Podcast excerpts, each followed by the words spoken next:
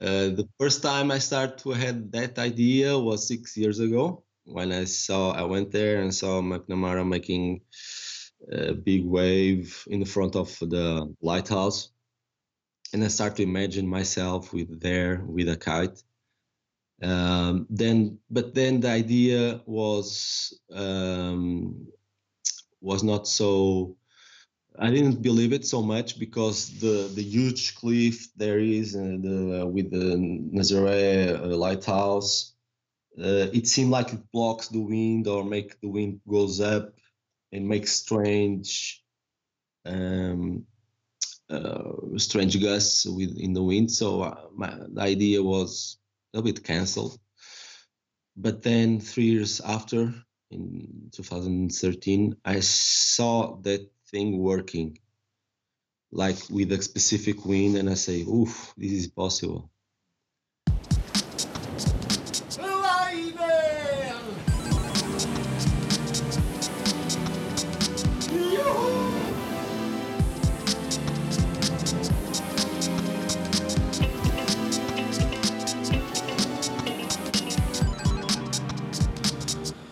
Oh, tere sõbrad alustan tänast äh, podcast'i sellise äh, jutuga, et äh, muistendid, olete ju kuulnud sihukestest asjadest, need räägivad meile noh, päris tihti näiteks vapratest meestest, kes võitlesid koletistega, et päästa varandus ja jagada seda rikkust oma rahvaga. Ähm, no minu meelest see varandus on müüdis ülekantud tähenduses ka näiteks oma erilisest kogemusest rääkimine ja võimaluste paljastamine sõpradele koletisel ratsutaja justkui ütleb, et me suudame, me oskame, me saame. sellise müüdikangelase saavutusele rõõmu tundmine tekitab ju tegelikult hea tunde, et mäletate äkki oma lapsepõlvest mõnda äh, õhtust äh, muinasjutu lugemist, kus, kus kangelane võitis ja see oli, see oli hea tunne. jagan täna vestlust just ühe sellise mehega, kes on sõna otseses mõttes sõitnud koletise seljas. Ta on ellu jäänud ja jaganud seda kõike meiega see koletis, mille seljas Nuno Figueiredo kaks tuhat seitseteist aasta sügisel lohega sõitis, oli Nazare üheksateistmeetrine laine Portugalis.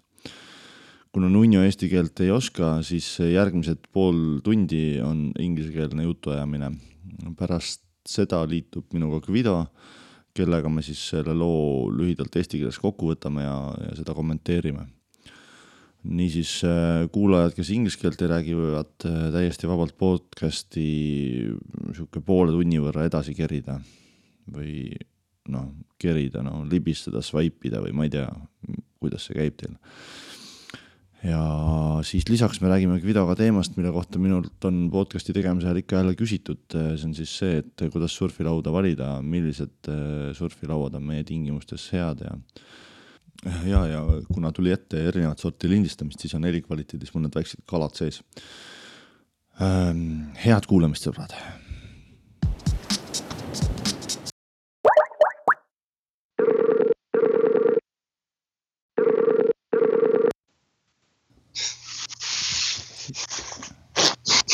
Yes, hello. Sorry for yesterday. I was like a lot of stuff and. No worries. How's the weather in uh, in uh, Portugal? Ah, it's really nice. Yesterday was perfect. Look, it's sunny. It's really nice. Yesterday was 20 degrees already. All it's right. Getting getting cool. Seems like the winter is over. Ah. It's Uh, nice. We haven't seen the sun uh, like uh, two or three months here, so. Jesus Christ. How is your history? When did you start kiteboarding? Uh, I started kiteboarding in 2001, like so 17 years ago. Yeah. Uh-huh. Uh, I start with um, with a foil in in the. It was really in the beginning of of kiteboarding. Uh, not really in the beginning because there were there were still even worse kites than I started with. but uh, yeah, those times were were crazy. Uh, like uh, the security was um, was minimum. Like the the power system was nothing. yeah, I remember. Yeah, it was hard. It was hard in the beginning, but uh, the wheel was was very high. The, the, I really want to, to learn. Actually, I, I saw Flash Austin in you know in uh, Hawaii. Uh-huh. In, uh, in t- I think what TV or YouTube. I don't know. I don't remember. And I saw the guys making waves, and I was a surfer. I started to surf um, 26 years ago, and um, so I had 10, 10 years of surfing already. And I saw the guys making waves with a kite, Hmm. and I say, "Whoa, that's really nice!" Because here in Portugal we have a lot of wind uh, in the afternoon, in winter, in uh, in summertime, and uh, it was really a nice uh, idea to to still go to to the water and making waves with a kite. So um, yeah, I decided I want to do this. Yeah. So we order me and some friends, more two friends, ordered a kite from the internet. Uh, at the time, we had no idea what was a foil kite or a, a leading edge inflatable kite. So we just took the foil, and I think it was a, a, a good um, a good choice because that's the system was already good safety system. But of course, the power, forget the power. yeah. the power was your board. If you want to, if it comes the gust, you had just had to to go downwind and, and just was like that. But you was, start was really you start with a twin dip board. yeah, sure, sure, Yeah. sure. So you're competing and uh, riding with twin, twin dip also. What do you like about uh, freestyle and big air? Sometimes what people really want to to, to see is big air and uh, air style, uh, big board offs that that go drives the the the crowds insane. Like the Red Bull King of the Air, it's the biggest show. That's all about kite surfing, and I think that freestyle that is that it's uh, big air. It's big big kite loops. I also like to do it. Uh, you can feel the, like you when you do a mega, loop in 30 knots, you feel like you are in same movement, in the same direction, in the same power as the wind. It's, it's fucking amazing. So that's skateboarding. And sometimes people start to see, ah, the guys only do handle passes. Uh, maybe I go straight to the surfboard. I don't see so, so, so much that option. But that's kite surfing. Kite surfing it's a variety of, of sports, of of um, disciplines, and you can choose what you want. That's perfect. That's why kite surfing is so popular and growing every year. Yeah. So did you grow up in Portugal? Yeah, I grew up in in uh, Portugal, in uh, in Porto, Porto City, when where they make the wine, Porto wine. Uh, so we have good wine, we have good weather, good waves. So it's a nice place to to born and stay. yeah. It's the only problem is the cold water. So, sometimes I think Portugal will be the Hawaii, like Hawaii, but the difference is is the is the cold water. We we have like big waves. We have Nazaré, the biggest waves in the world. You we have super tubes that you can see barrels like pipeline. You have uh, so many so short in short course so many quality waves that you can compare it to Hawaii. In in actually it's more constant than Hawaii. People think ah, Hawaii it's uh, it's the it's crazy. Okay, it's crazy when it's there's swell but actually uh, it, they spend a long time with with, uh, with no waves like totally flat and here portugal if you come to portugal you always catch waves like minimum one meter half meter but there's always always waves it's very hard to have like i remember like last year we had, we had only one week straight of flat like a river flat but even that's not so common here but that's why I live here. Uh, what, what is your favorite spot in Portugal My spot, favorite spot. for wave Uh, riding? Wave riding. Okay, we, we have uh, Viana de Castelo when when uh, it's near my, my place. When the sandbank is good, is really good. We have I like also Espinho. It's uh it's really good waves, but the wind's not so steady. Uh-huh. Then you have uh, super tubes. That's hardcore barrels. But it's only for top experienced riders because it's totally side off. If you lose your kite, you never see it again. so and uh, it's very heavy. The the waves are very heavy. So when you have, have a crash, you can crash everything. and then uh, yeah, I think this that this is the three main spots that I like in in Portugal. Guincho, it's it's it's nice for for um, and uh, strapless tricks, but in waves generally is not so good. And then of course there is Ericeira. Ericeira, it's it's really nice for wave riding with a kite, but uh, it's really rocky. Mm. So you have to be really good also, or you will damage your your kite, your board, everything. Mm. What is your home spot? Where, where you ride the Uh, it- most? Uh, it's in, uh, in in south of Porto. It, it's in Gaia. Yeah. We have I have like a small pier that uh, is so small that wind passes through really well, and the inside the, the waves are clean, so it's really nice to have ride. Mm. And uh, there's also always um, really really nice nice waves, and it's also a place that I make the wave riding courses also because I teach I teach uh, kite surfing for a long time and uh, mo- mostly beginners, of course, Mm. from from scratch. But uh, yeah, it's really nice to learn also to, to make some uh, first first waves. But you have really your- easy. You have your own uh, kite school. yeah yeah. I have a guest house Uh-huh. here in uh, in Porto in uh, in south of Porto in front of the beach. I have uh, the kite school. I have a little shop also for my clients, and um, and of course I'm team team rider for Elevate. Mm. So sometimes I say I have not one job but a lot of jobs, all all kite surfing uh, about kite surfing. So I manage everything. So we can uh, invite all the listeners, Estonians, to visit you and uh, and uh, take courses and. Uh, Of Yeah. course, you just go to struekitehouse.com uh-huh. and uh, yeah, just Okay. book it. Okay. um, I have more questions for you. have Have you ever uh, snow kited? How's your relationship to snow? Uh, actually, I started snowboard last week. Uh-huh. I went to Snow Kiters Masters and uh, and was really nice. I I, I started snowboard. You can check a little video I made, uh, but I didn't uh, I didn't have time to kite snow.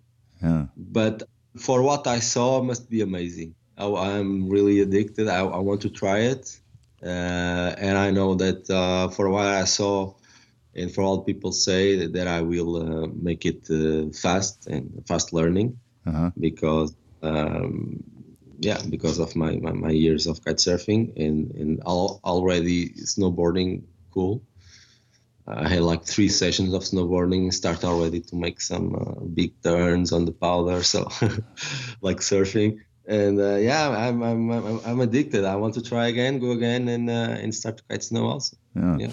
Usually we have a lot of snow in Estonia, but a couple of uh, years uh, it's it's not it's only ice. So uh, Uh-huh. guys go uh, snow kiting in uh, Finland and in uh, Nor- Norway. In Norway there is this Haukastal, this famous place where is uh, lots of snow and it's very very nice. have to try it Yeah. actually i went to, the alps uh, Ah. up the way Uh-huh. in the French Alps. Was some guys say, "Whoa, you were you went to one of the best spots for learning." So, so yeah. yeah, Uh, let's talk about waves. Uh, how big is how big wave is big for you? uh, yeah, big wave starts at eight meters, like seven meters. You start to feel adrenaline. From seven to twelve, you say, "Fuck, it's really big." from uh, from twelve to twenty, it's the same. Like it's it's you, you don't don't feel so much difference. Okay, when, when you are waiting for the waves and you see them, I don't call it waves, I call it mountains coming to you. It's a mountain of water, uh, and when you feel that the the wave swell has the same length as your lines, you start to feel really small. that was my my first feeling uh, in this last session in Nazaré because there were more um, guys towing, uh, making towing, uh, catching waves with the with the jet skis, and I felt like okay, I don't want to crowd these guys with my kite and lines and um, like when you go to a spot with surfers and you feel like you are uh, taking a lot of space from mm-hmm. them. And uh, in Nazaré, I don't feel that because the waves have the same size as your line. So you feel like a windsurfer, mm-hmm. like with a small thing. Um, and, and that's it. Uh, the first time I went to Nazaré was about 10 to 12 meters. And I was alone, so I didn't felt that, that I was occupying space for anybody. And already was really big and um, you start to feel like uh, really concentrate on what what really focus what you are doing because your life is in, in state so at stake so so you don't can make any mistake and uh, try to enjoy your ride mm. so was this uh, Nazare massive uh, wave riding something you prepared for a long time or, or you just had a crazy idea one morning no no no you, prepare yourself for a long time for sure. Yeah. Uh, the first time I started to had that idea was six years ago when I saw I went there and saw McNamara making a big wave in the front of the lighthouse, and I start to imagine myself with there with a kite. Um, then, but then the idea was um, was not so I didn't believe it so much because the the huge cliff there is and the, uh, with the Nazaré uh, lighthouse, uh, it seemed like it blocks the wind or make the wind goes up and makes strange, um, uh, strange gusts with in the wind. So uh, my, the idea was a bit cancelled. But then three years after, in 2013, I saw that thing working like with a specific wind, and i say oof this is possible hmm. then i start to to build idea to to start a project with with a with a friend with joe malafaya that uh, as a jet ski uh, and perform um, courses uh, jet skis courses and I start preparing myself, uh, driving the jet ski, how to be rescued, how to rescue anybody, how to get get the, the, the jet ski if, if, uh, the, if, something happens. Took also up in a uh, course, and the, the thing starts to build in my head.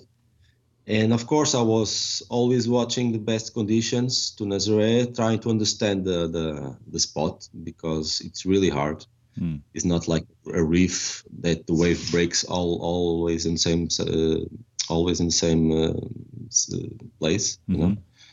so it's a sandbar. So sometimes the wave breaks here, sometimes breaks there. So we have to understand, depending of the swell, where the, the wave might suppose to break, mm. because it's never is never in the same place. So I have to study a lot the place and, and understand where to be, where to be in the right time, right place. And uh, yeah, that took a, lo- a long time.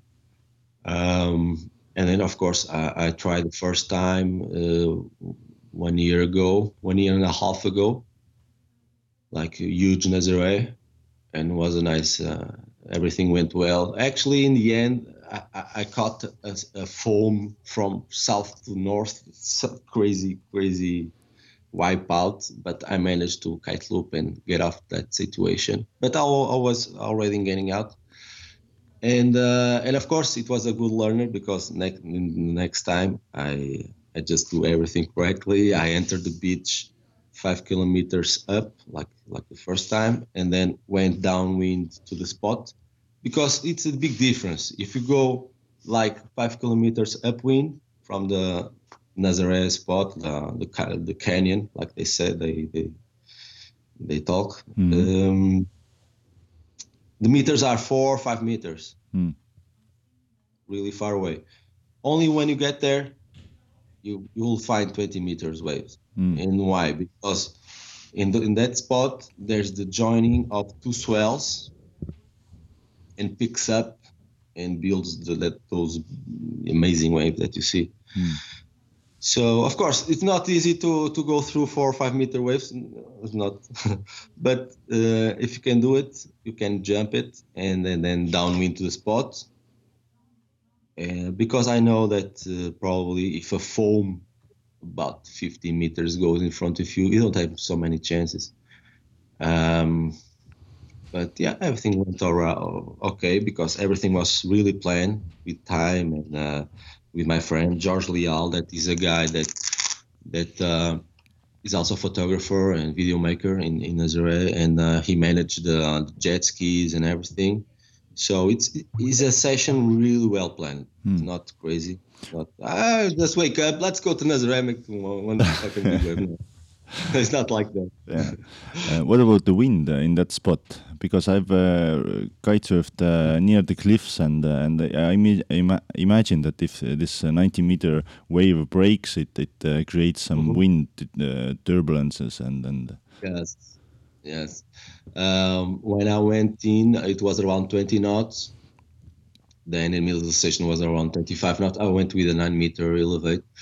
Was a, a good choice for for for going out. But yes, it, it happens. A lot of strange things happen there because when the wave breaks, it makes a spray from the wave, and if your kite is there, the kite dies Hmm. like oh, oh.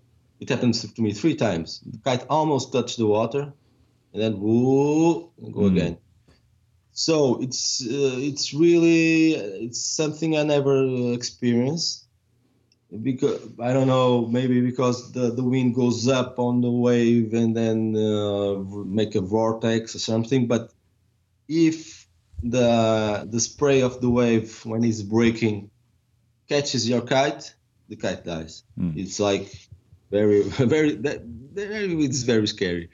People sometimes ask me, "You were, you were scary? Did you have afraid of?"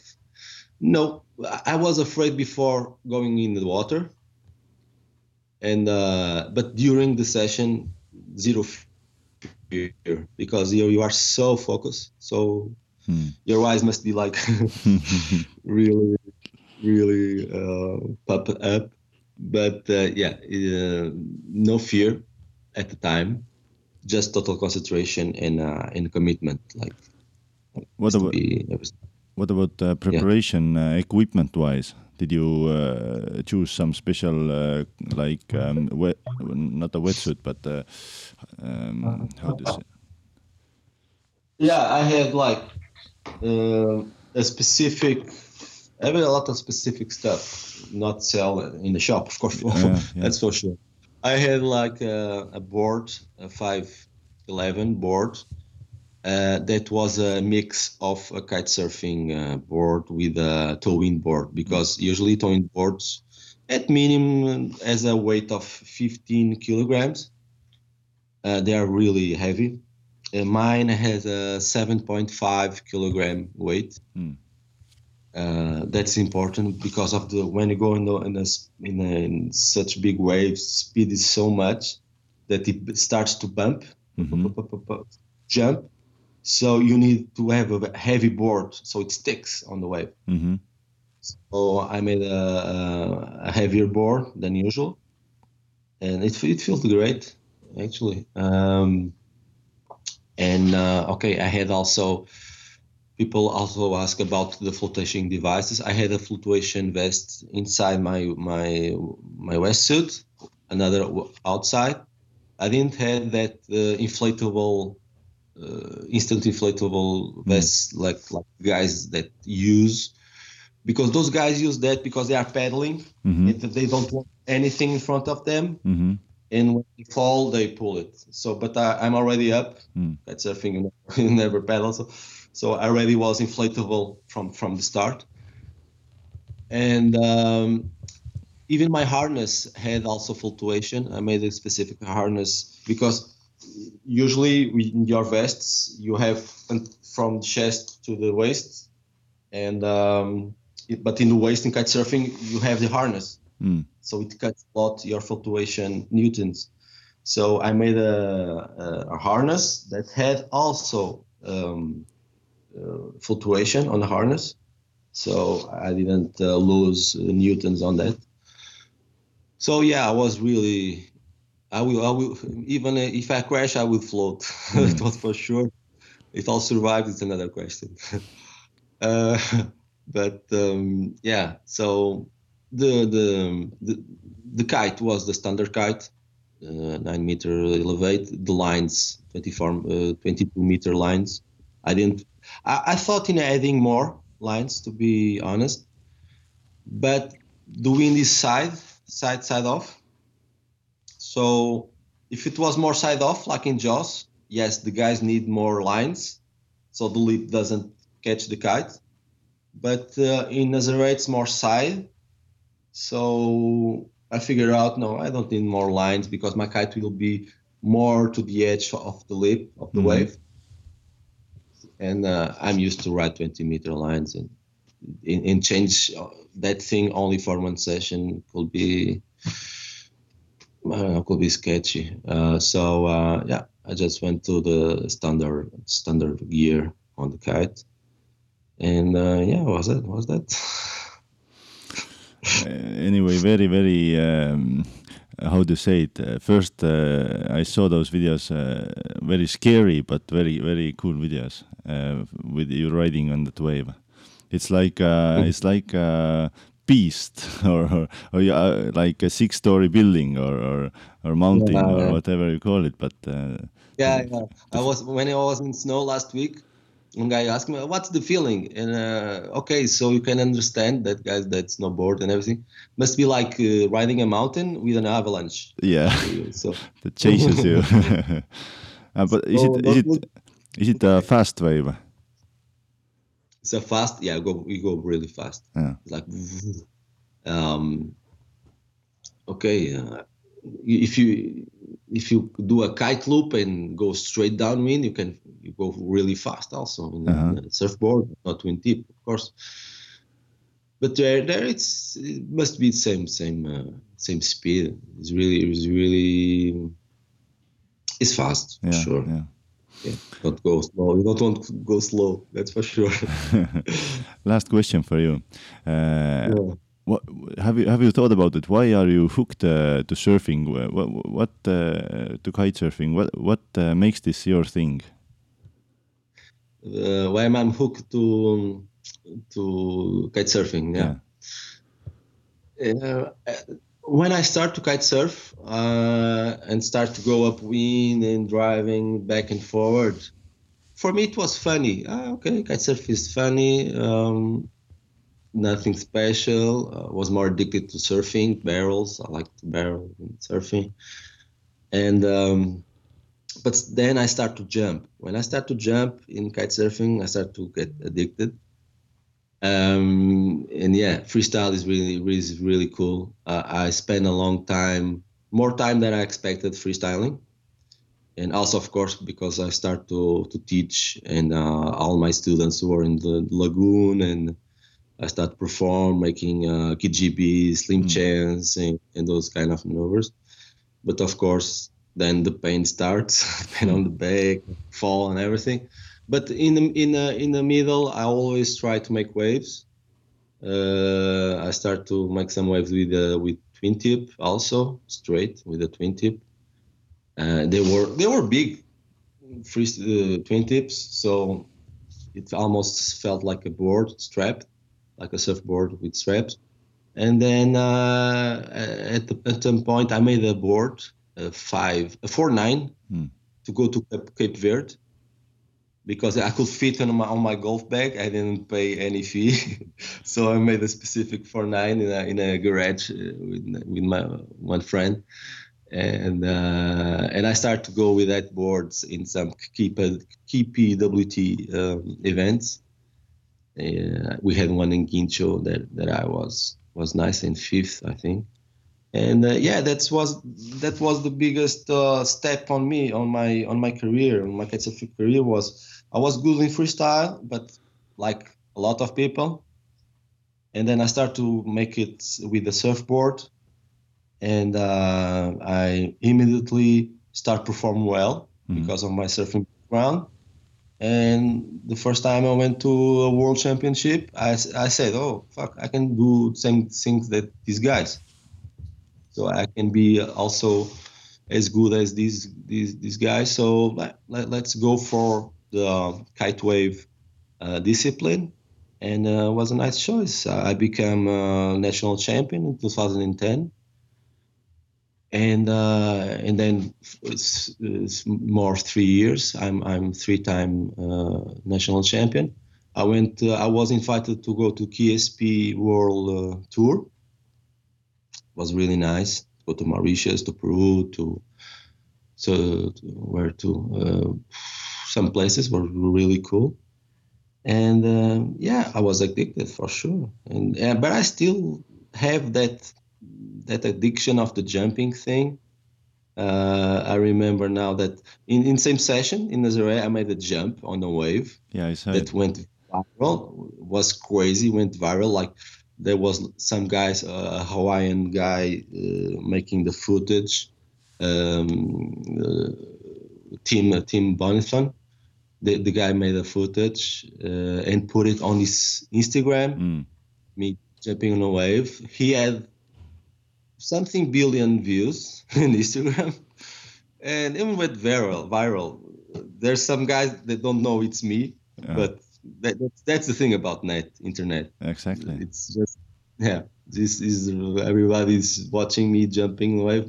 Mostly don't have any clue it's me, but it's nice to see it. Like in every post in Instagram. okay, like, it's me. It's me. Didn't, didn't tag me. Okay, what more? But yeah, that, that jump was really crazy. It actually was in the in the beginning of the session. I was trying to to see where, where I was, seeing uh, what was going on. Then I went too too too far away to the inside. Then when I was going outside, I saw that big mountain, and I said, "Oh, that's a nice jump here." And I just went for it, like, we gotta go home, you know. So uh, and I felt like the, the wind was a little bit side off, so it will pull me more to the outside if, if everything went well. And and uh, it was hard to, to get a wave from behind and, and catch me, so I just went for it. Uh, and then after that jump, my um, my personal feeling, my my commitment increased a little bit more. So I start to get more adrenaline, more pumped up and then uh, then I I catch a small uh, small big wave, then uh, the biggest one that you saw on the, on the video, mm. and then uh, two more couple more on the shoulder big wave. Yeah, and what that, and then I went out to the beach, and so I performed everything on my on my kite. I didn't have uh, needed any help of a jet ski. That's also good for me. That I perform kite surfing from the beginning to the end. And uh, yeah, it was an insane session, and uh, I enjoy that people, the feedbacks of everybody. Um, it's really nice to receive uh, positive feedback I, I saw some negative feedback in some forums, and I said, "Fuck, these people are crazy." And there's these haters, that's for sure. But it's, it's nice. My girlfriend says it's good to be haters. It means that uh, uh, people are are watching what are you doing. Yeah, that's right. Maybe uh, if you do, if you don't didn't care to anybody, you will be not hated. But that's the world. That's the things. That's so true. And uh, that's it. Yeah. Uh, thank you so much for this conversation. Yeah, no problem. Time. I will put all your um, your your um, links uh, down this uh, podcast and uh, thank you so much, Nuno. Obrigado. Yeah, no problem. Nada. Obrigado. Ciao. Ciao. üks, kaks, kolm. tuhk ja tolm mul on täna sihuke hea hääl ka. mm -hmm. natuke jämedam. ma teen ka siis sama suust. tee jah, et siis äh, täna äh, tere tulemast, video. tervist. täna ma sind ei hakka piinama küsimustega sinu kohta, et räägime siis hoopis millestki muust. looda, looda et oleme ära kuulanud selle nunna jutu mm. -hmm. Ja kuna on ilmselt inimesi, kes ei tea inglise keelt nii hästi, siis ma vuristan lühidalt selle, mis ta rääkis ette ja sa hüppa vahele, kui tekib mingi asja kohta mingeid mõtteid. jah, mina ka inglise keeles aru ei saa, nii et ma hüppan vahele. aa, no just, siis sa kuulad ka esimest korda, onju. no peaaegu ühesõnaga, mees on siis üles kasvanud Portugalis, Portos kus ta hakkas äh, lohet sõitma kaks tuhat üks aastal madalates lohega. Äh, ta mäletab veel seda, et, et oli veel halvemaid lohesid äh, olemas kui see, millega ta alustas hmm.. millega?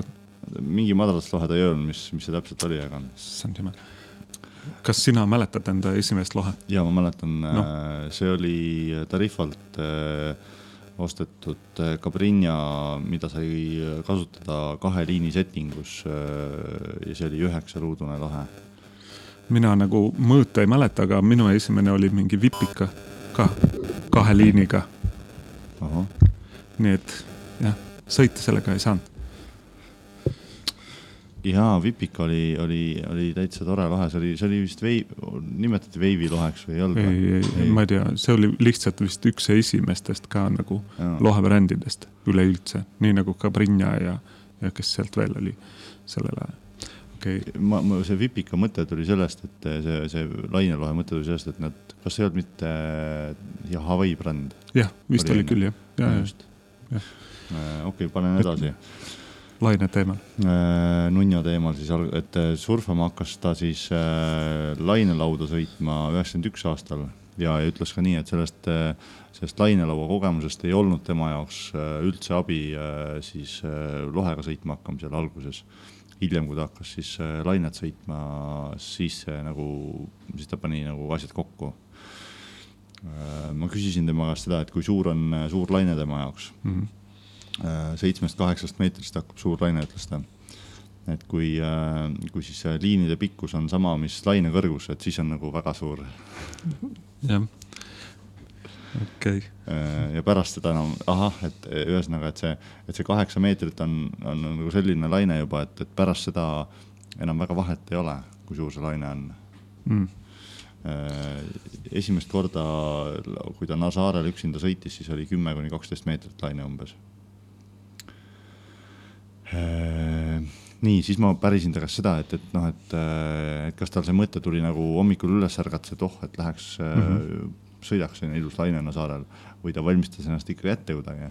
ja, ja siis ta rääkis päris pikalt sellest, et, et see idee tuli tal kuus aastat tagasi, kui ta nägi seda McNamarat sõitmas seal ja, ja, ja ta, McNamara tegi ju äh, Äh, lainelauaga kaks maailmarekordit, äh, kaks tuhat üks, kaks tuhat üksteist aastal kakskümmend neli meetrit laine ja kaks tuhat kolmteist aastal kakskümmend üheksa meetrit.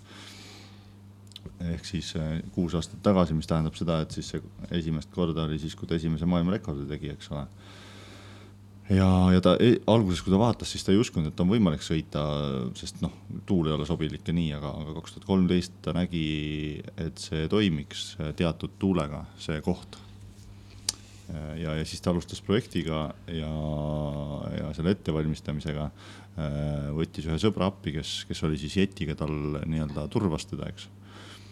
Äh, siis ta rääkis sellest, et see Nazare ei ole selline koht, kus laine murduks kogu aeg ühes kohas, vaid ta on selline Äh, liivapõhjaga kanjon ja, ja seetõttu see laine tekib nagu noh, nihkub vasakule-paremale ja, ja tekib, äh, iga laine tekib nagu natuke erinevas kohas. Ähm, ja, ja enamus kohtades selle, selle koha ümber on laine umbes neli-viis meetrit. Et see, et see suur-suur laine, mis tekib seal kahekümne meetrine või, või suurem, et see on ikkagi ainult selle, selle noh, selle kanjoni tõttu siis tekib sihuke massiivne elukas konkreetselt sellest päevast rääkides, siis ta rääkis, et ta läks äh, ise, ise vee peale, äh, sõitis seal ja tuli ise tagasi äh, lohega, et, et ei vajanud abi, see oli tal, tema jaoks hästi suur nagu selline noh, positiivne asi selle asja juures. Et ei pidanud päästma, jah. et ei pidanud päästma, jah mm.. Äh, siis äh, ütles seda, et äh,, et kui ta hüppas sealt selle laine pealt, üks, üks ja. väike klipp oli, vaata. ma vaatasin ka, jah et, et see tekitas temas sellise nagu tugeva positiivsuse, noh, et ta sai sealt kõvasti jõudu ja adrenaliini, et, et hakata siis seda suurt lainet võtma, et see andis talle enesekindlust. Rääkisime sellest, et, et kuidas tuul on selles kohas. tuul on selline, et kui tekib see laine, suure laine sprei siis, äh, lohe ei tohi sattuda selle sprei äh, ette, ette jah mm. -hmm. et see võtab tuule kohe kinni ja, ja, ja tal on, olid kogemused, kus ta, kus tal lohe jäi, läks vette selle sprei tõttu. Äh, laud oli tal viis üksteist ja oli selline toe-in'i ja, ja lohe vaheline laud, et. mis asi see on? Toe-in. Toe-in on noh, ühesõnaga, ahah, mis see on, see on, eh, nimetatakse siis eh, toe-in eh, suure laine lauaks lauda, mis on ah,, mis on oh,, okay, okay. mis on raske laud.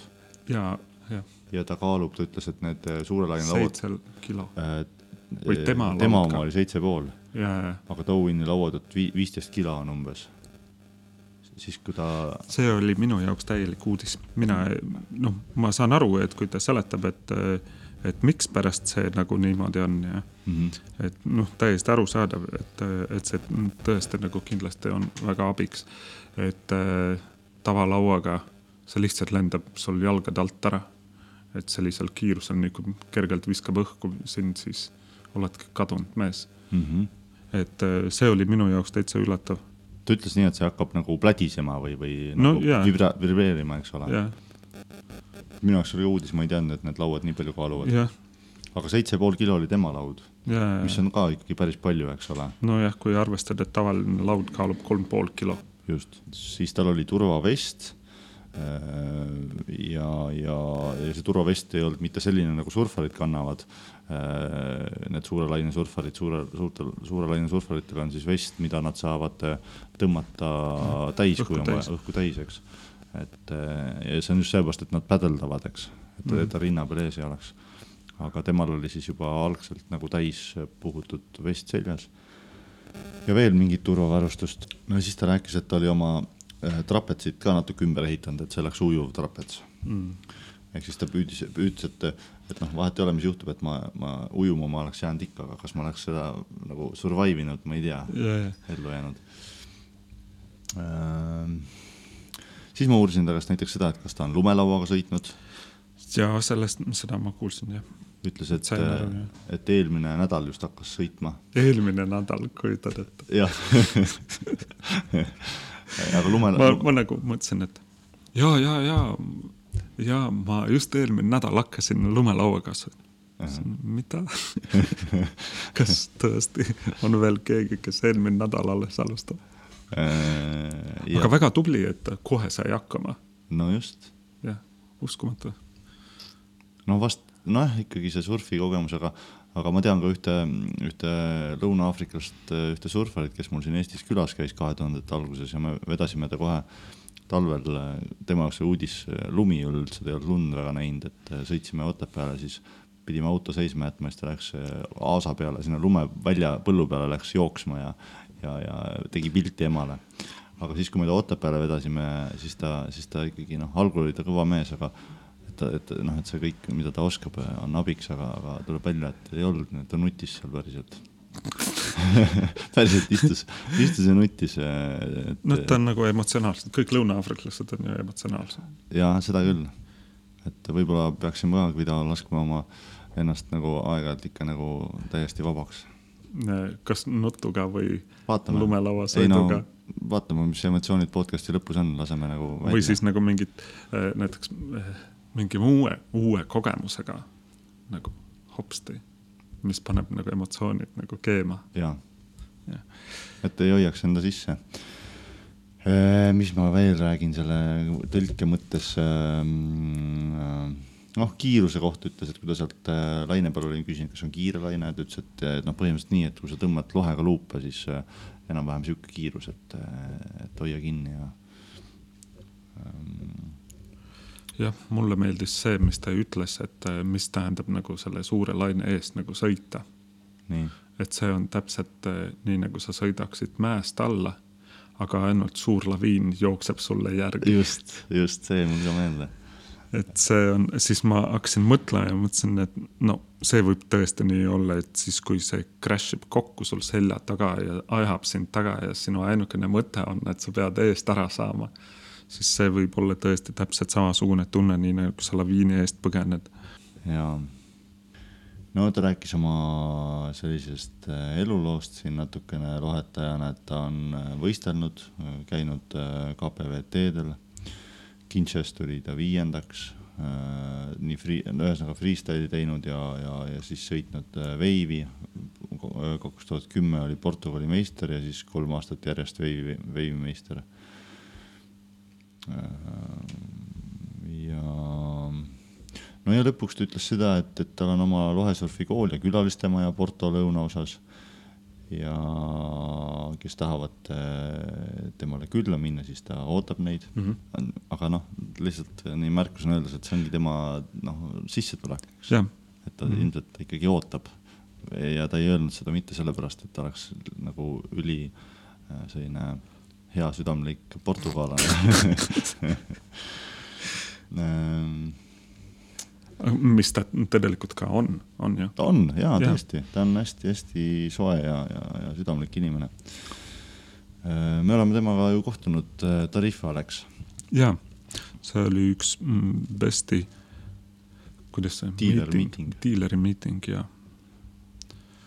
testisime koos uut varustust. ja, see kõlab nagu mingi narkootikumidega seotud asi, eks aga ei olnud ei olnud ometi? ei olnud üldse et äh, see oli lohevarustuse diiler meeting ja, ja, ja siis seal, seal oli vähe tuult ja, ja siis ta ehitas seal vist mingi, mingi vägeva lo-, pikkade liinidega lohe. jah, vaata nagu äh, sa küsisid ka talle, et kui pikkade liinidega ta nagu sõidab mm. -hmm.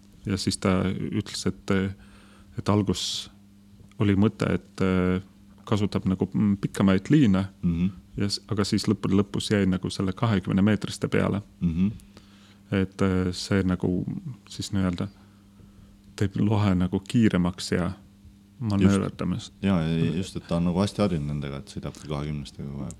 jah äh,. vot sihuke mees siis on võib-olla sellest Nazarest veel juurde öeldes, siis siis jah, see Garrett äh, McNamara äh, Hawaiilt on siis see mees, kes on, äh, on püstitanud paar niisugust suure laine rekordit, maailmarekordit.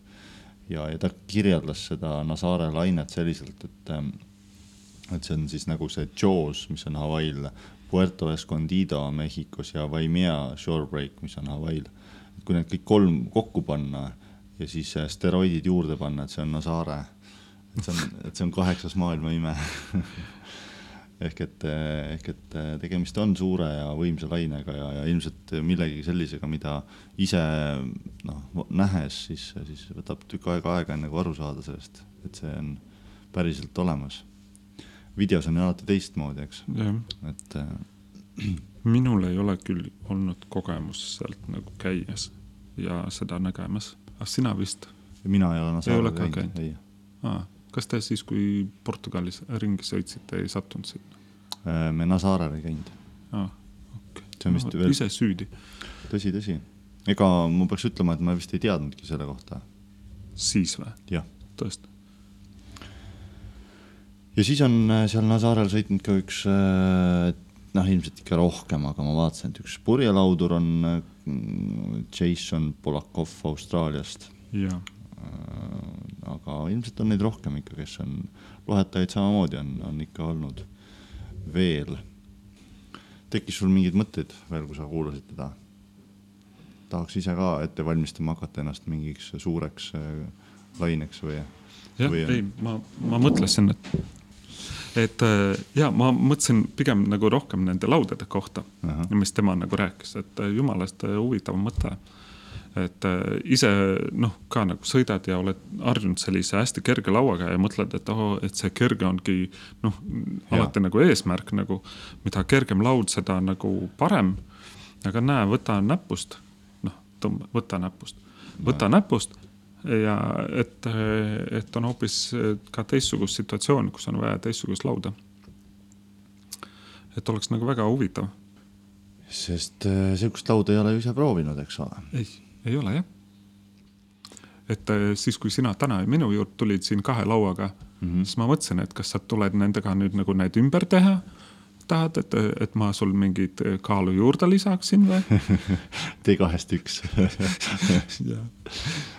ja. ei, ma viisin äh, lauad äh, parandusse, praegu on sihuke hea aeg surfilauad niimoodi garaažist välja otsida ja vaadata üle. jah korda teha. et aga see, aga see hooaeg enam kaugel ei ole ei ole jah. kohe see lumi sulab ära ja siis läheb jälle lahti. aga mina näiteks mõtlesin selle peale, et äh, ma, mina näiteks ilmselt ei ole selline mees, kes, kes äh, mõtleks äh, selle peale, et tahaks sõita nagu väga-väga suurt lainet. Minule rohkem imponeerib selline jõuline või sihuke barrel'i tüüpi laine. ta ei pea väga suur olema, aga, aga kihvt oleks, kui seal oleks sihuke võimalus talle alla pugeda ma ei tea, kas sa oled vanaks jäänud? Äh, kusjuures, ahaa, see oli ka üks küsimus ja ma küsisin ta käest, et kas see, äh, et nagu vanad äh, mehed ainult sõidavad lainelaud. küsisid talle? küsisin jah. ja mis ta ütles? ütles, et, et see, et see on Portugalis samamoodi sihuke mõte nagu Eestiski, et vanemad inimesed, vanemad, vanemad inimesed -hmm. sõidavad lainelauda. jah, vanemad, minust vanemad aga ei, sõidavad noored ka ja, ja see on populaarsemaks läinud küll. Et, et neil oli Portugalis just mingi võistlus ja seal oli noori, noori päris palju. seda küll jah. ilmselt ka sellepärast, et, et see on selline vaheldus siis lainelauale, eks ole. jah, samas nagu kindlasti see, et lainelauasõit on muut-, noh, muutunud hästi freestyle'i mm. -hmm nagu sügamentidega mm. -hmm. ja see nagu on see, mis paneb nagu noori huvituma mm -hmm. sellest alast. Aga sina ütled siis, et sina unistad küll, et sa võiksid sõita suure laine peal või? ma ei oska öelda, kui sa mul niimoodi nagu täitsa küsid, et ma ei tea, ma kardan ikka ju mm. -hmm. Nii nagu eh, tema ka vot mul on olnud ka sihukest situatsiooni, et kus sa nagu enne kui sa lähed nagu vee peale sul on nagu sihuke väike nagu pabin nagu sees.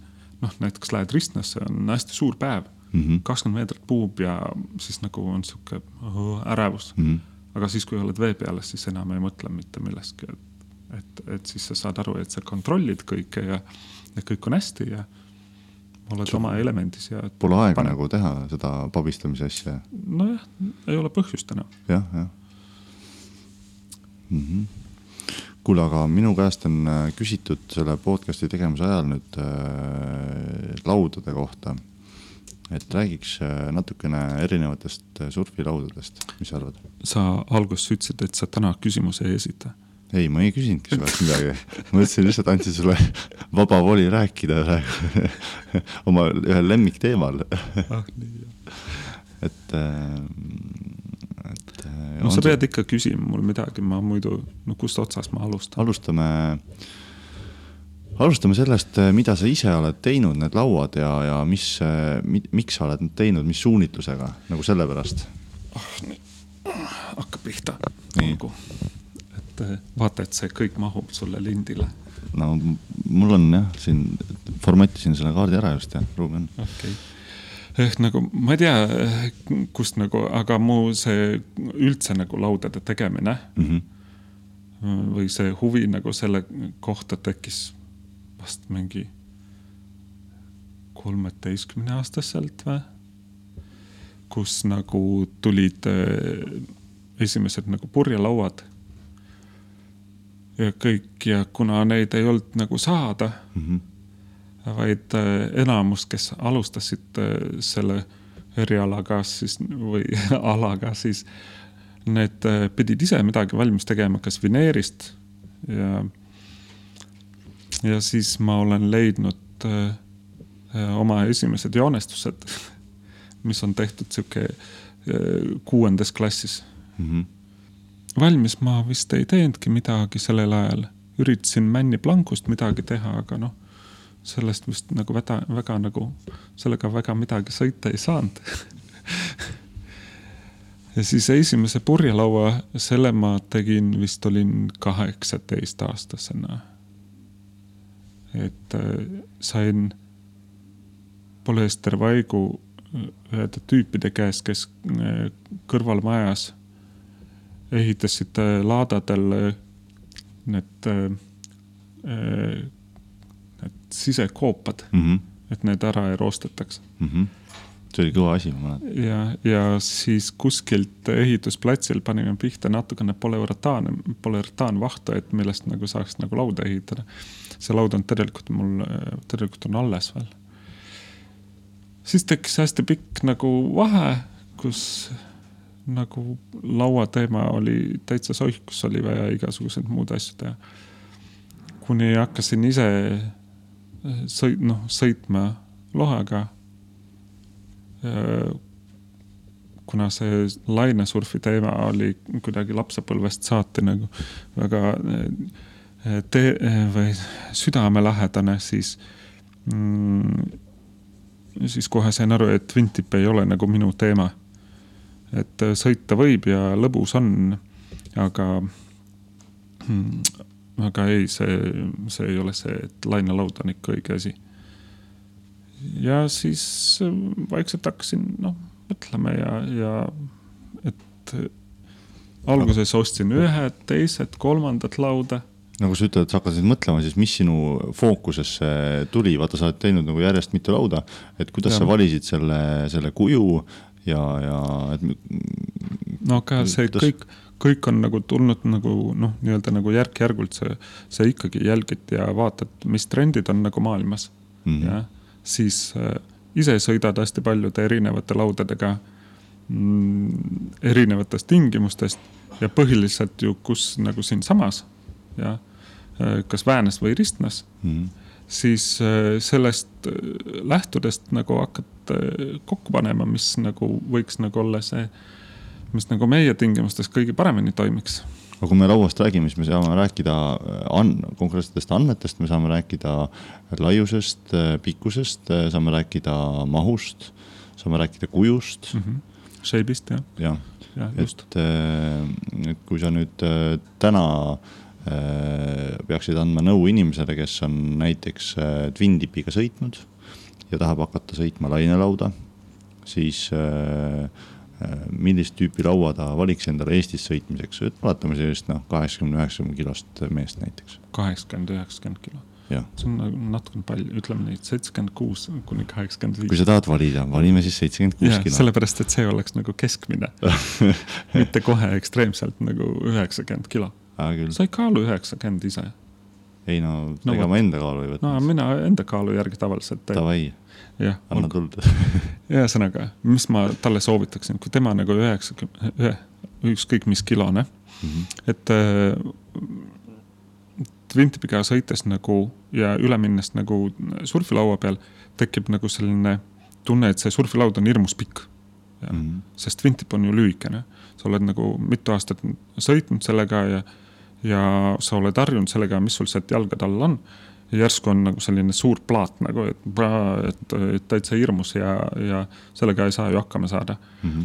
et siis äh, selleks tuleb appi uut tüüpi lauad, mida noh, nüüd juba peaaegu kõik brändid on nagu katsetanud ja, ja proovinud, et äh, need on niinimetatud äh, ninata lauad mm. -hmm. ehk ta on tegelikult nagu oluliselt lühem tavalises nagu lohe lainesurfilauast ja, ja kujult nagu meenutab rohkem nagu Twin Tipi mm. -hmm. ehk see kindlasti noh, oleks talle nagu kasulikum no või nagu meelepärasem.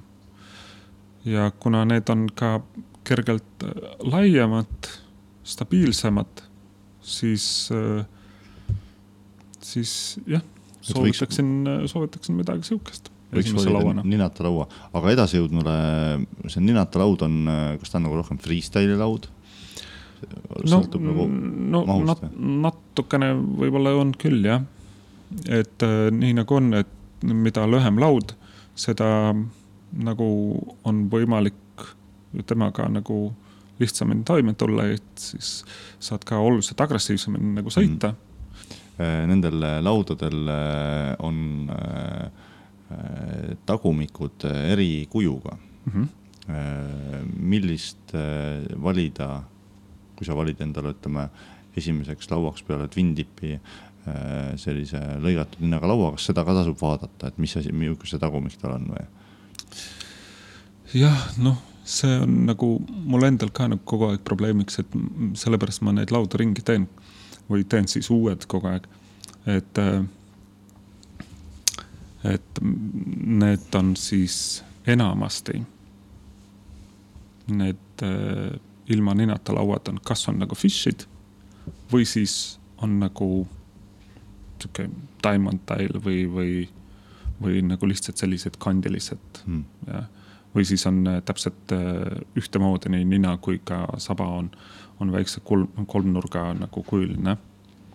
et kui nagu alustada, siis ma pigem nagu alustaks äh, sihukese lihtsama shape'iga. et see, noh, siin on jälle nagu kahe otsaga asi, et kui lai see laud on, kui ta on laiem laud, siis ta peaks olema fish mm. -hmm. ja sellepärast, et äh, laia laua, noh, pöörates Mm, kui on tal ka ise tagumik nagu lai, äh, ta veesurve on tema, noh, toetab teda niivõrd tugevalt, et sul läheb nagu keeruliseks nagu manööverdada temaga.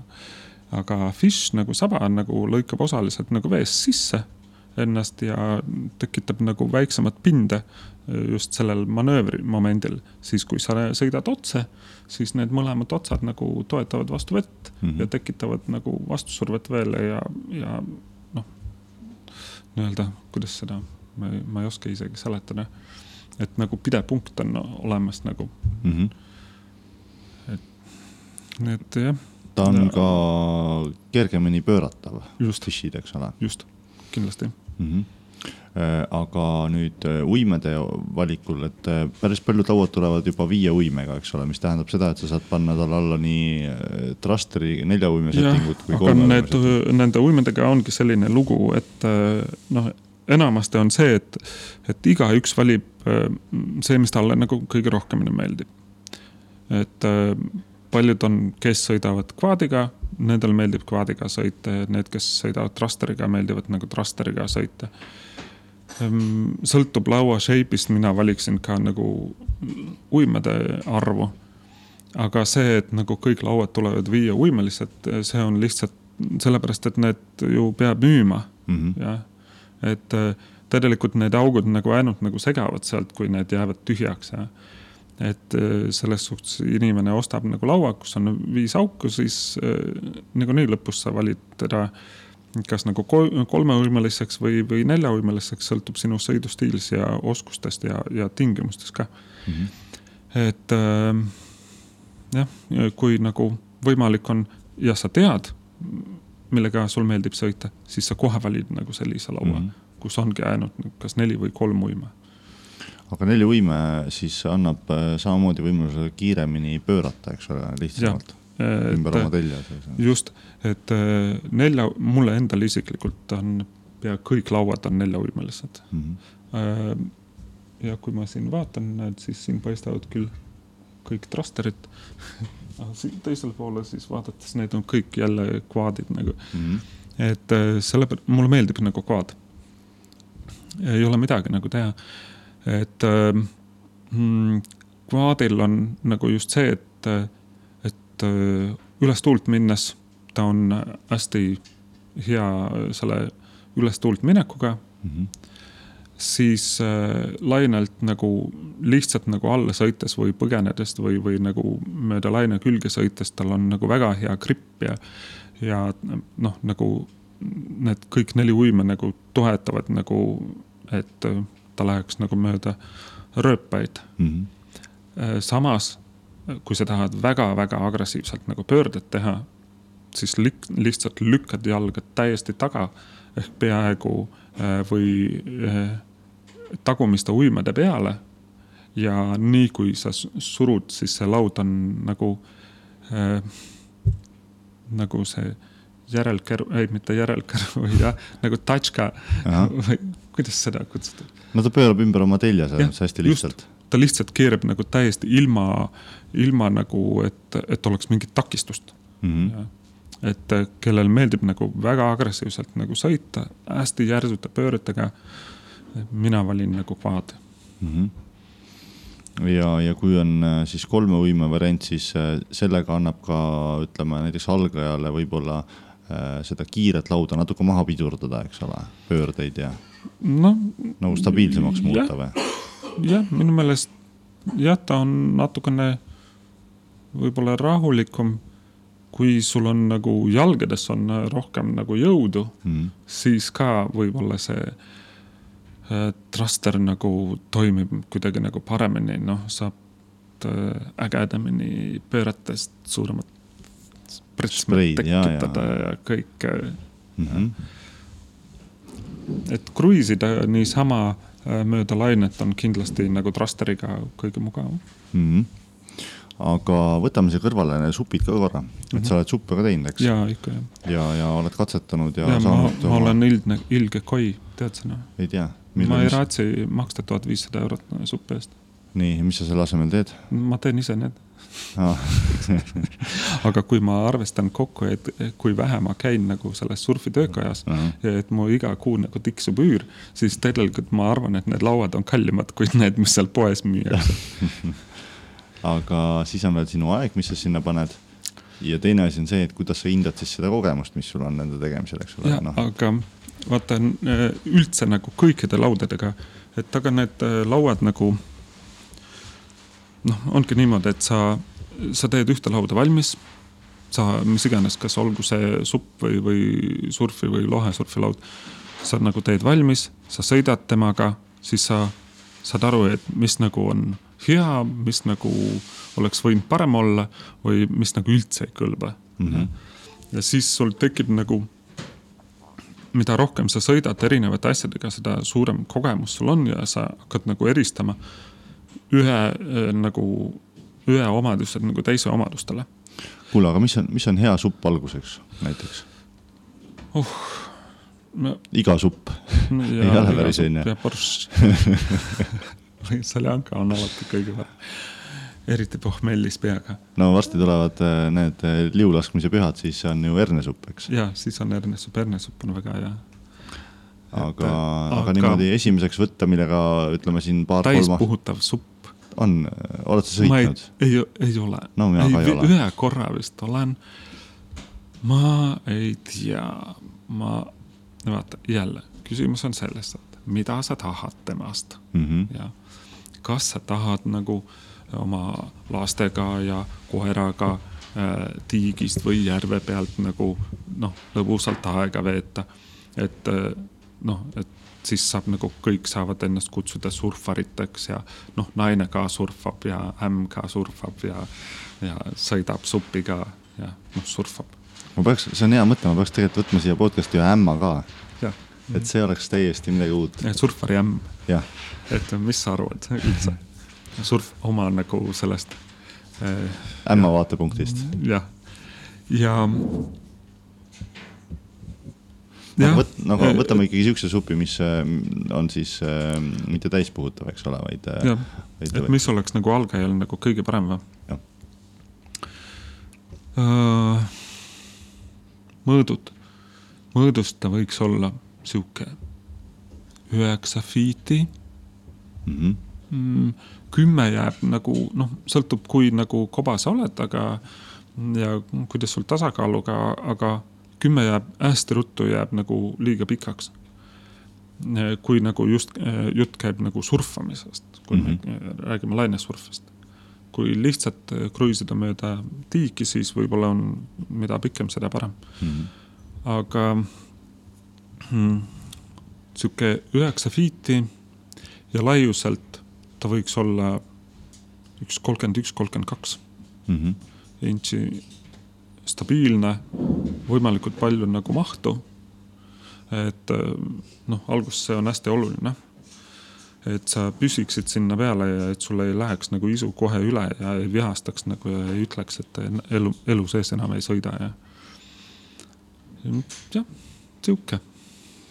ja, ja nüüd äh, lainesõidusupp, et kui sa no, juba sõidad, sul ja, on täispuhutav juba... olemas ja sa mõtled, et, et selle jätaks ämmale, kuidas, mis sa siis võtad?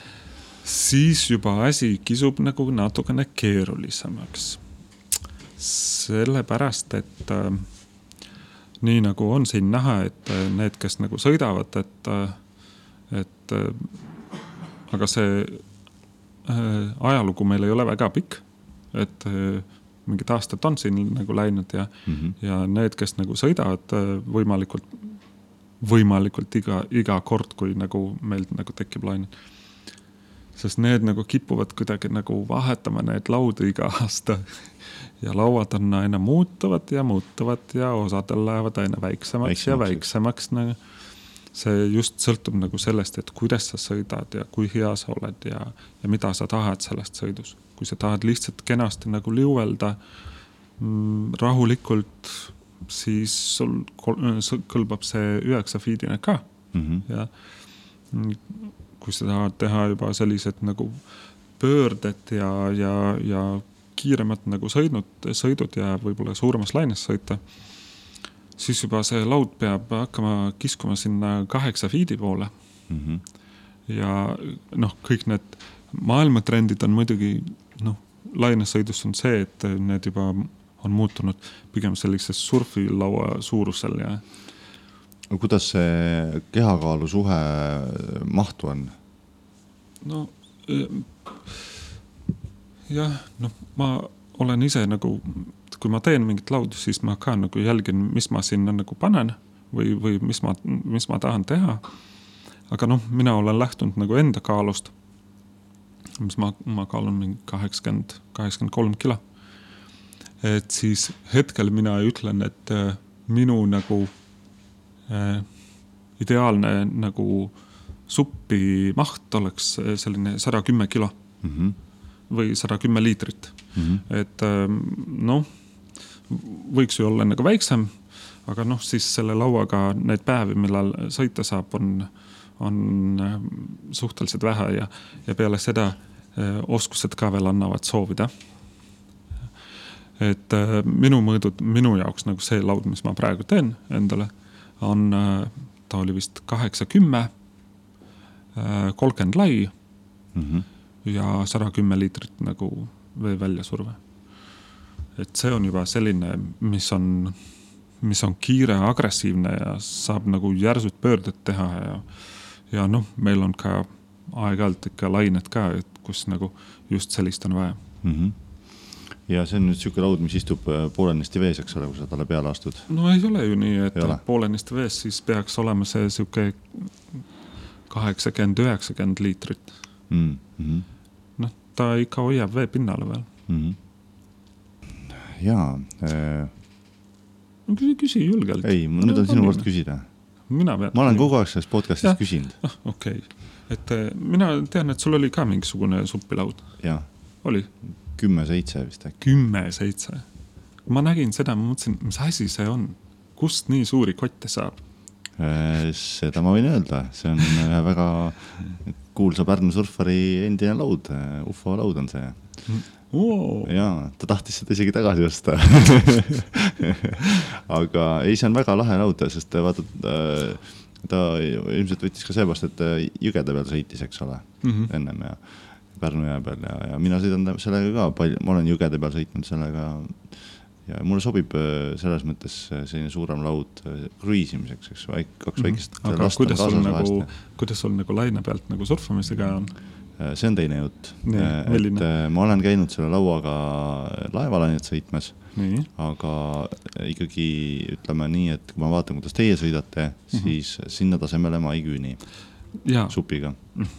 Tarmo, harjutamine teeb meistriks. tõsi, tõsi, tõsi minu vees veedetud äh, päevad supiga on äh, kulunud äh, järvede ja jõgede peal sõitmiseks. nii, jah, noh, ma pean siis sulle ikkagi tihedamini helistama, et ja sa ei tohi nagu rääkida, et mul on kurk haige ja nina on nohu, et ma seekord ei saa tulla, ma tulen siis kaldalt drooniga. no muidugi sa seda võid teha ka aga eh, tead, ma räägin ühe loo, lihtsalt, et Ja. sa ei arvaks, et supp on mõeldud ainult laine peal sõitmiseks mm. -hmm. olin siis eh, suvel Kanepis eh, ja seal on üks Jõksi järv mm. -hmm. väike järv ja, ja hommikul läks äh, uni ära, see oli suhteliselt vara, ma arvan, et sihuke kuu, viie-kuue vahel. ja päike oli just tõusmas, läksin õue, võtsin supi, panin, ilus ilm ja panin järve peale, Jah. no ikka suveilm, tead nagu augusti Jaa, suve, soojad ilmad on vahest.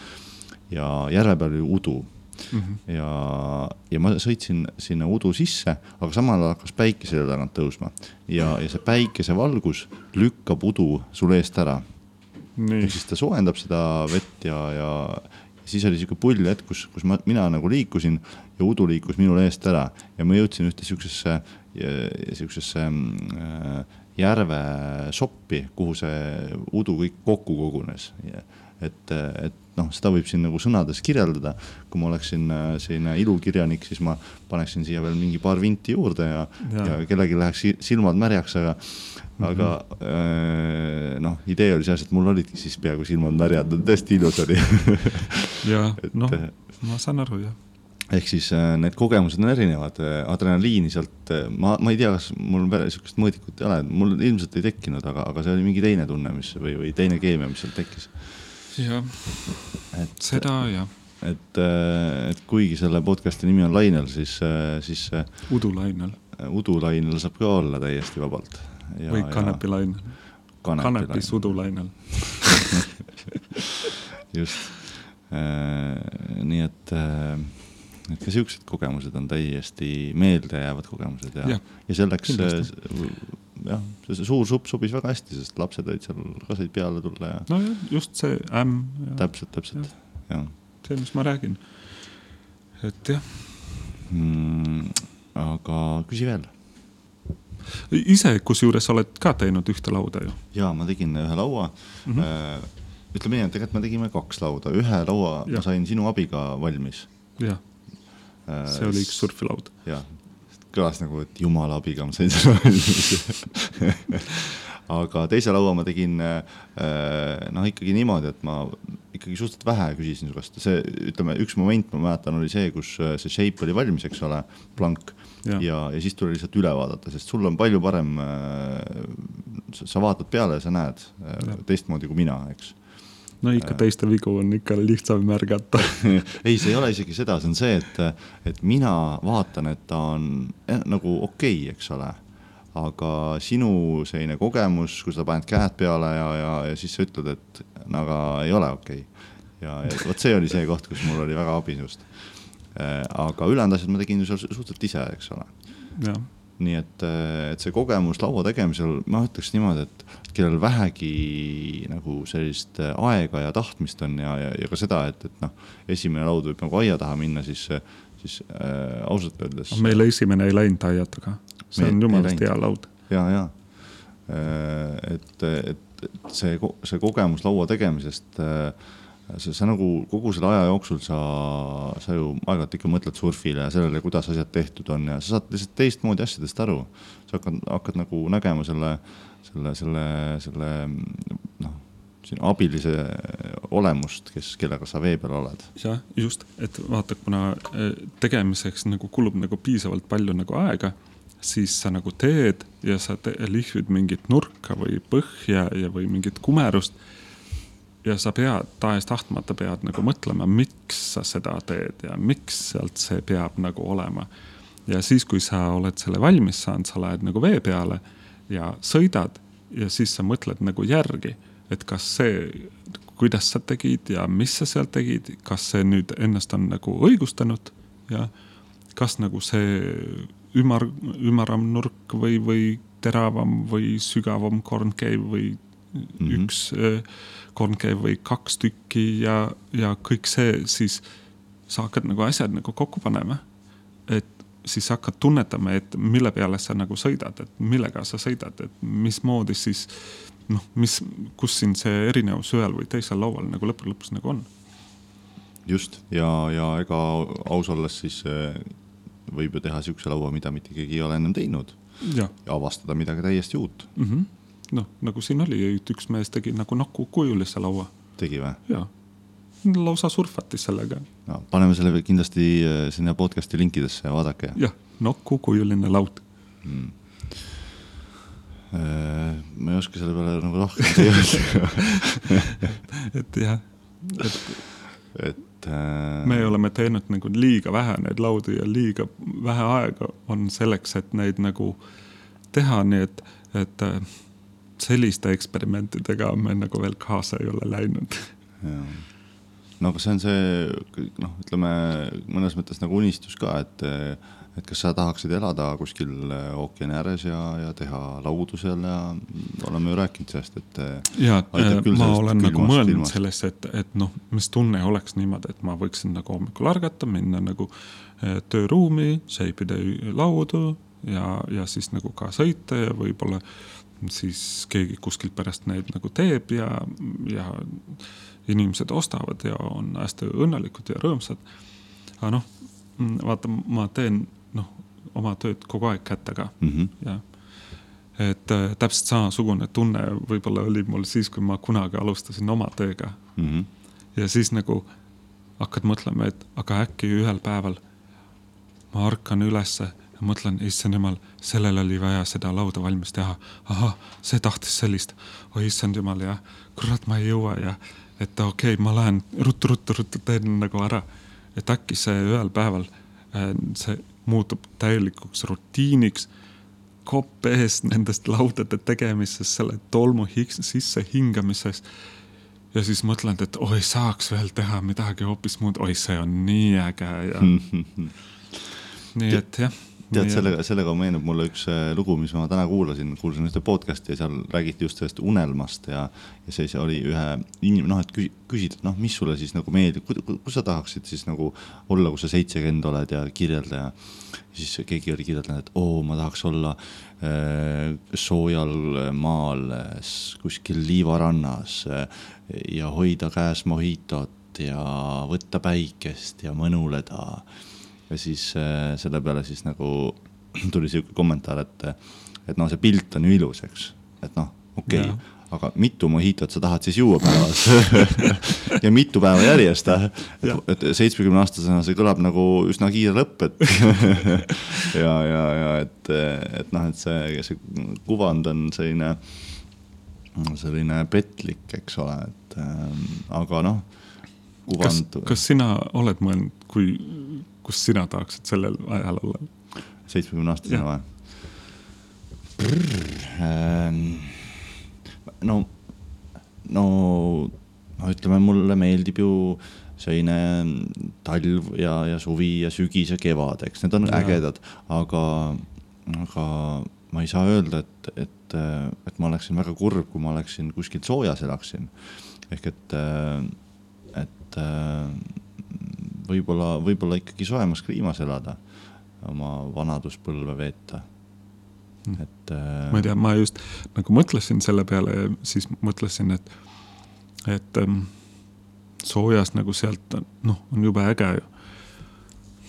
Mm, jah. noh, külmas see..., külmas säilivad asjad paremini noh, selles mõttes. jah, seda küll jah, et soojas sealt on nagu mõnus ja et, et on, aga noh on teistsugused lõhnad ja kui sa sealt oled ja, ja kõik, et mm,. aga metsa ei ole. metsa ei ole. metsa ei ole jah vaata, tegelikult me oleme praegu sellises ajas, kus see, kus see nagu sellistel teemadel nagu fantaseerimine mõjub mm. nagu eriti noh, et, et nagu sa oleksid näljas onju ja siis ja.